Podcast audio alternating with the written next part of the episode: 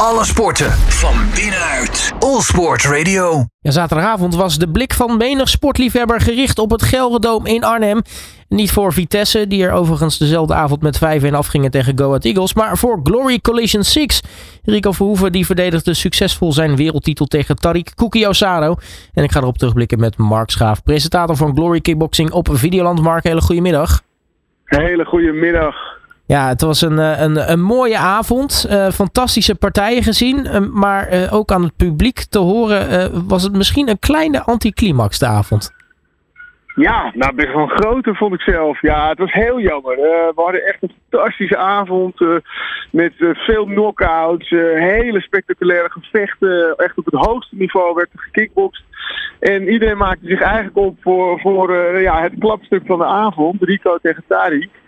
Uh, alleen dat viel, uh, nou ja, eigenlijk best wel tegen. Ja, voordat we het daar eh, uitgebreid over gaan hebben, laten we sowieso de avond maar er even bij pakken. Want nou, het begon gelijk spectaculair. de Mexicaan Vidales, die was al na 1 minuut en 40 seconden klaar met zijn tegenstander.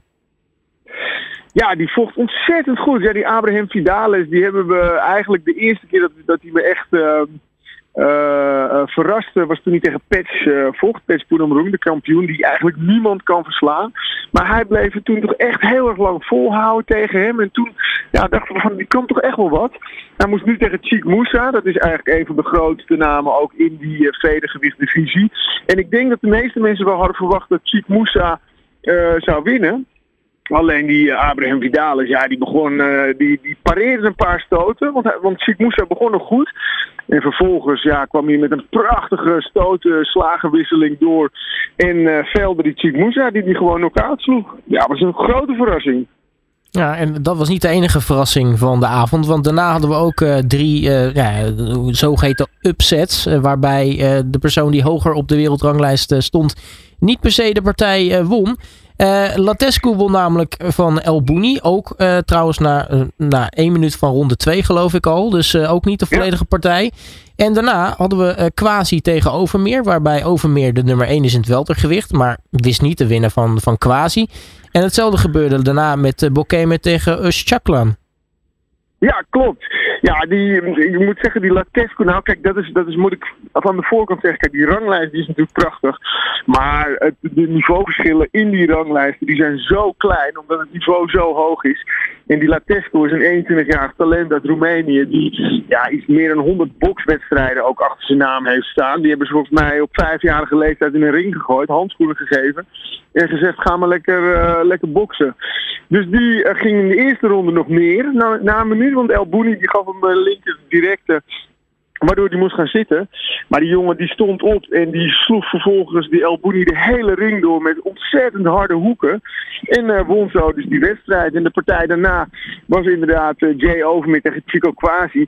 Ja, daar wint Chico Quasi, maar dat is een partij die eigenlijk ja, misschien wel ietsje later had moeten komen. Want deze twee jongens, dat zijn misschien wel de, de, de, beste welterweights um, van nu. En dat ligt allemaal zo dicht bij elkaar dat je wel de nummer 1 tegen de nummer 4 hebt. Maar ja, het is, uh, het is alsof je elke keer Ajax Feyenoord of Ajax PSV hebt, uh, zeg maar. Hoewel dat dit jaar niet echt uh, zo is. Maar, um, en daarna was het um, inderdaad Bokemme, die van Serkan Eustjalian won. En ja, dat was vooral een gevecht waarin je toch een beetje de tekortkomingen van Serkan Eustjalian zag. Die ontzettend hard kan slaan en harde hoeken heeft. Maar Bokeme die liet eigenlijk zien dat hij toch een iets completere vechter is. Die en kan trappen en kan stoten. En dat uh, had zijn effect uh, dit keer. Want hij won uh, overtuigend van Serkan. Ja, en toen was daar een, een, een, een, een wedstrijd waarbij nou ja, voornamelijk het, het publiek echt er wel achter ging staan. Uh, Hamisha maakte zijn rentree na, na twee jaar weer op, op dit niveau. vocht tegen Kamara. Um, Hamisha wint hem uiteindelijk. Um, maar, maar het was het, publiek wat er massaal bij Hamisha achter ging staan. Ja, Hamisha is, is een heel groot talent en heeft een hele grote schare supporters. Er zijn toch uh, veel Marokkaanse jongens die, uh, ja, die, die zich heel erg kunnen linken met hem. Hij is ook een vechter die ontzettend spectaculair is. Had hiervoor vier wedstrijden binnen Glory gevochten alle vier met knockout gewonnen. En de gemiddelde duur van zijn partij was 1 minuut 38. Dus uh, iedereen had hele hoge verwachtingen, omdat hij twee jaar lang uh, niet gevochten had door blessures. Nou, hij kwam nu weer terug en nou ja, de eerste ronde die was uh, spectaculair. En daar zag je ook echt dat hij, ja, die trappen van hem, die zijn zo ontzettend hard. En die stootcombinaties waren schitterend. Maar ik moet eerlijk zeggen dat die Jagili Camara, die Fransman, dat die echt heel erg goed op de been bleef. Hij had in de eerste ronde echt niks in de pap, te, geen melk in de pap te brokkelen. Maar hij uh, kwam die eerste ronde door. En toen zag je ja, dat, uh, dat uh, Hamisha toch twee jaar niet gevochten had. En uh, dat er misschien wel wat ring roost, hè, zoals ze dat noemen, aanwezig was. En op, ja, die camera gooide de schroom van zich af. En die begon in de tweede en derde ronde echt gewoon nog hartstikke goed terug te vechten. Maar die eerste en tweede ronde, ja, die waren van Hamisha zo overtuigend. Dat, uh, dat hij uiteindelijk met de overwinning aan de haal ging. Maar je ziet dat die hele welterweight divisie, waar dus ook uh, Jay Overmeer en Chico Quasi uh, vechten. Ja, dat is gewoon een, een divisie met zoveel talent. Daar zouden ze eigenlijk gewoon een, een toernooi voor, voor moeten maken. Dan uh, was het uh, het hoogtepunt van de avond eigenlijk. De drie championship bouts, uh, waar het ook echt ging om de titel. begonnen in middleweight met Donovan Wisse tegen Michael Boapea. twee Nederlandse jongens die niet uitkomen voor Nederland, maar voor een ander land. Ehm, was een interessant gevecht. ging de volledige vijf rondes. en uiteindelijk behield Donovan Wisse zijn titel. Ja, en dan moet ik erbij zeggen dat Donovan Wisse een echte Surinamer is. Die woont ook in Suriname. En heel veel uh, mensen inderdaad, kijk, we zijn hartstikke chauvinistisch, dus we trekken die gelijk naar Nederland. Maar dat is dus een echte Surinamer. En Michael Boapé, komt uit van Ghana, uh, maar dat is gewoon een Hagenees. En ja, dit gevecht, kijk, Donovan Wisse is een mega complete vechter. Die kan trappen, die kan stoten, die kan verdedigen. Hij heeft een hele goede positie in de ring, kan heel goed achteruit vechten. En Michael Boapé was de jonge hond, zeg maar die uh, met alle energie die hij had, uh, probeerde die titel van hem af te pakken. Daarbij is Michael Bope ook een hele goede vechter, maar hij is wat rauwer dan, uh, dan de geslepen Donovan Wisse. En ja, dit was een partij die, ja, daar ging het publiek voor op de bank, banken staan. Want, want Boapea ging door tot het einde. Had volgens mij een snee boven zijn oog, zijn, bloed, zijn neus, er kwam bloed uit zijn neus. Maar hij bleef maar, bleef maar gaan. En Donovan Wisse, die pareerde zijn, zijn, zijn, zijn, zijn explosieve begin goed. Kwam vervolgens in de wedstrijd en had op het laatst ook het idee van: oké, ik wil die jongen echt meer gaan slaan en knock-out slaan. En da dat was het mooie eraan. Donovan Wisse vocht die wedstrijd niet uit. Al zijn van: nou goed, ik heb de voorgaande ronde gewonnen, ik doe het rustig aan. Die wilde in die vijfde ronde echt nog voor die knock-out gaan. En dat, uh, was het, ja, dat, dat zette toch het publiek op de banken.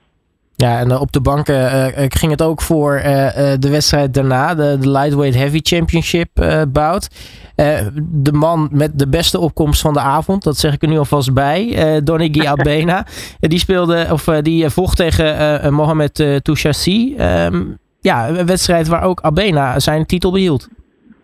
Ja, en dat was mooi, want Touchassi die nam dat gevecht dus aan vier dagen uh, voordat het gevecht was. Ja, hij zei eigenlijk, zou Donnie Abene tegen Tariq Gebebes gaan vechten, maar die had een gebroken duim. Dus uh, Motushashi werd gebeld, wil jij vechten? Nou, die ging vechten. Die kwam van een gewichtsklasse lager. Die vecht eigenlijk in het middengewicht.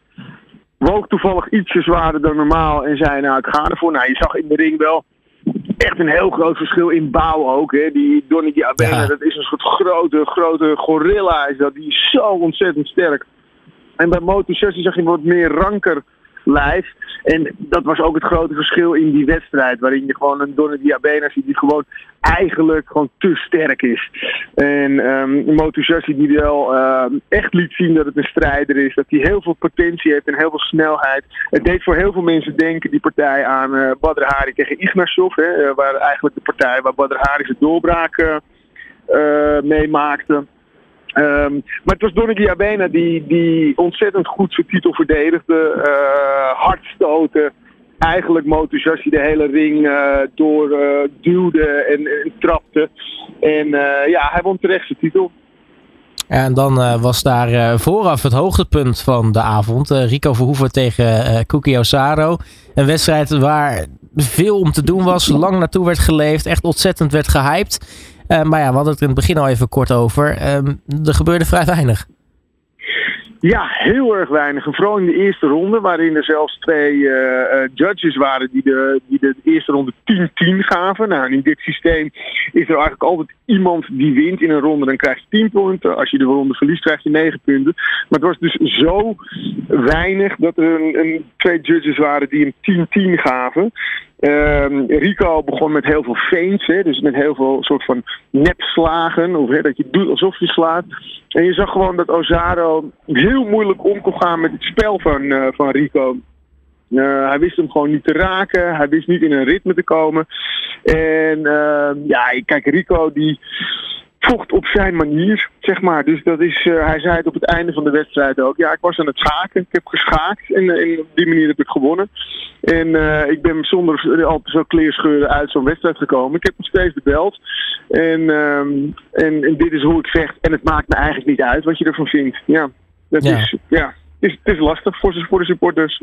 Ja, want dat, dat merkt hij wel in, eh, in de zaal, waar vooraf eh, er een behoorlijke eh, nou ja, tweekamp was tussen Rico-supporters en Osaro-supporters. Eh, kwam dat eigenlijk tijdens de wedstrijd bij elkaar, doordat er behoorlijk vanaf de tribunes werd gefloten en geboet. Ja, en dat is natuurlijk, heeft alles te maken met het feit dat het uh, voor heel veel mensen tegenviel. Hè. Kijk, Rico, heeft, uh, Rico is, is, de kampioen der kampioenen. Er is dus geen manier voor anderen momenteel om hem te verslaan. Dus we hebben hem de vorige keer gezien tegen uh, Jamal Ben Sadiq. Waarin uh, Jamal Ben Sadiq nou ja, voor de kill ging, zeg maar. En dat werd echt een klappartij, van over en weer. Nou, dan wint Rico uiteindelijk. Ozaro probeerde dit keer anders. Hè. Die wilde er geen klappartij van maken, maar een soort schaakpartij. Ja, en zo win je dus ook niet uh, van Rico. Alleen het lastige is, zeker voor het publiek. Kijk, het is natuurlijk ook een beetje entertainment. En je wil gewoon twee gasten zien die vol tegen elkaar gaan. En ja, en dan is het voor Rico is het meer een, een, een, wedstrijd. Is het zijn werk en hij wil gewoon die titel behouden. Mm-hmm. Ja, en hij neemt geen onnodig risico. En ik, hoe ik het zelf omschreef is eigenlijk de partij tussen Balapea en Wisse. Dat was eigenlijk de partij waarop iedereen hoopte in de finale. Dus waarin Boapea, nou in dit geval misschien Ozaro, all-out ging. En waarin Rico ook echt getest werd. En waarin hij ook all-out moest gaan. En waarin Rico in de laatste ronde bij wijze van spreken dacht... Oké, ik heb je, nu ga ik je knock-out slaan. En Rico is daarin gewoon ja, voorzichtig. En hij heeft gelijk. Want ik bedoel, Ozaro is een jongen van 120 kilo. Als jij daar stoot van krijgt, dan ga je gewoon zitten. Ja, en hij heeft het uh, in dat opzicht gewoon heel uh, goed uitgevochten. Maar het is niet zo spectaculair. Nee, nou ja, de uiteindelijke eindstand. Uh, Rico heeft zijn titel nog steeds. Uh, nu gaan we ons opmaken voor volgens mij 23 december aanstaande. Hè? Glory 90 ja. in Rotterdam. hoofdpartij is Semelier tegen Anwar om de welterweight world title. Wat kunnen we daarvan gaan verwachten? Ja, dat wordt een, een, een, eigenlijk een groot vraagteken. Want we kennen Anwar Oulet Shaib van House of Glory.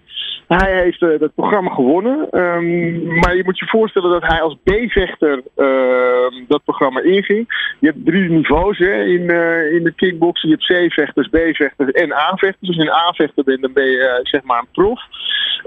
hij vocht zijn eerste drie profwedstrijden dus binnen House of Glory. En hij gaat nu gelijk voor de titel vechten. Um, ja, het gaat voor iedereen kijken hoe, hoe dit gaat zijn. En die Zemel is een hele, hele goede kampioen. Ook een ervaren jongen. En Anwar uh, is uh, ja, eigenlijk de new kid on the block. En uh, ja, we gaan dus kijken hoe, hoe dit zich gaat uiten. Ik heb binnen House of Glory wel gezien dat Anwar een hele complete en aanvallende vechter is. Dus het wordt sowieso een hele leuke partij.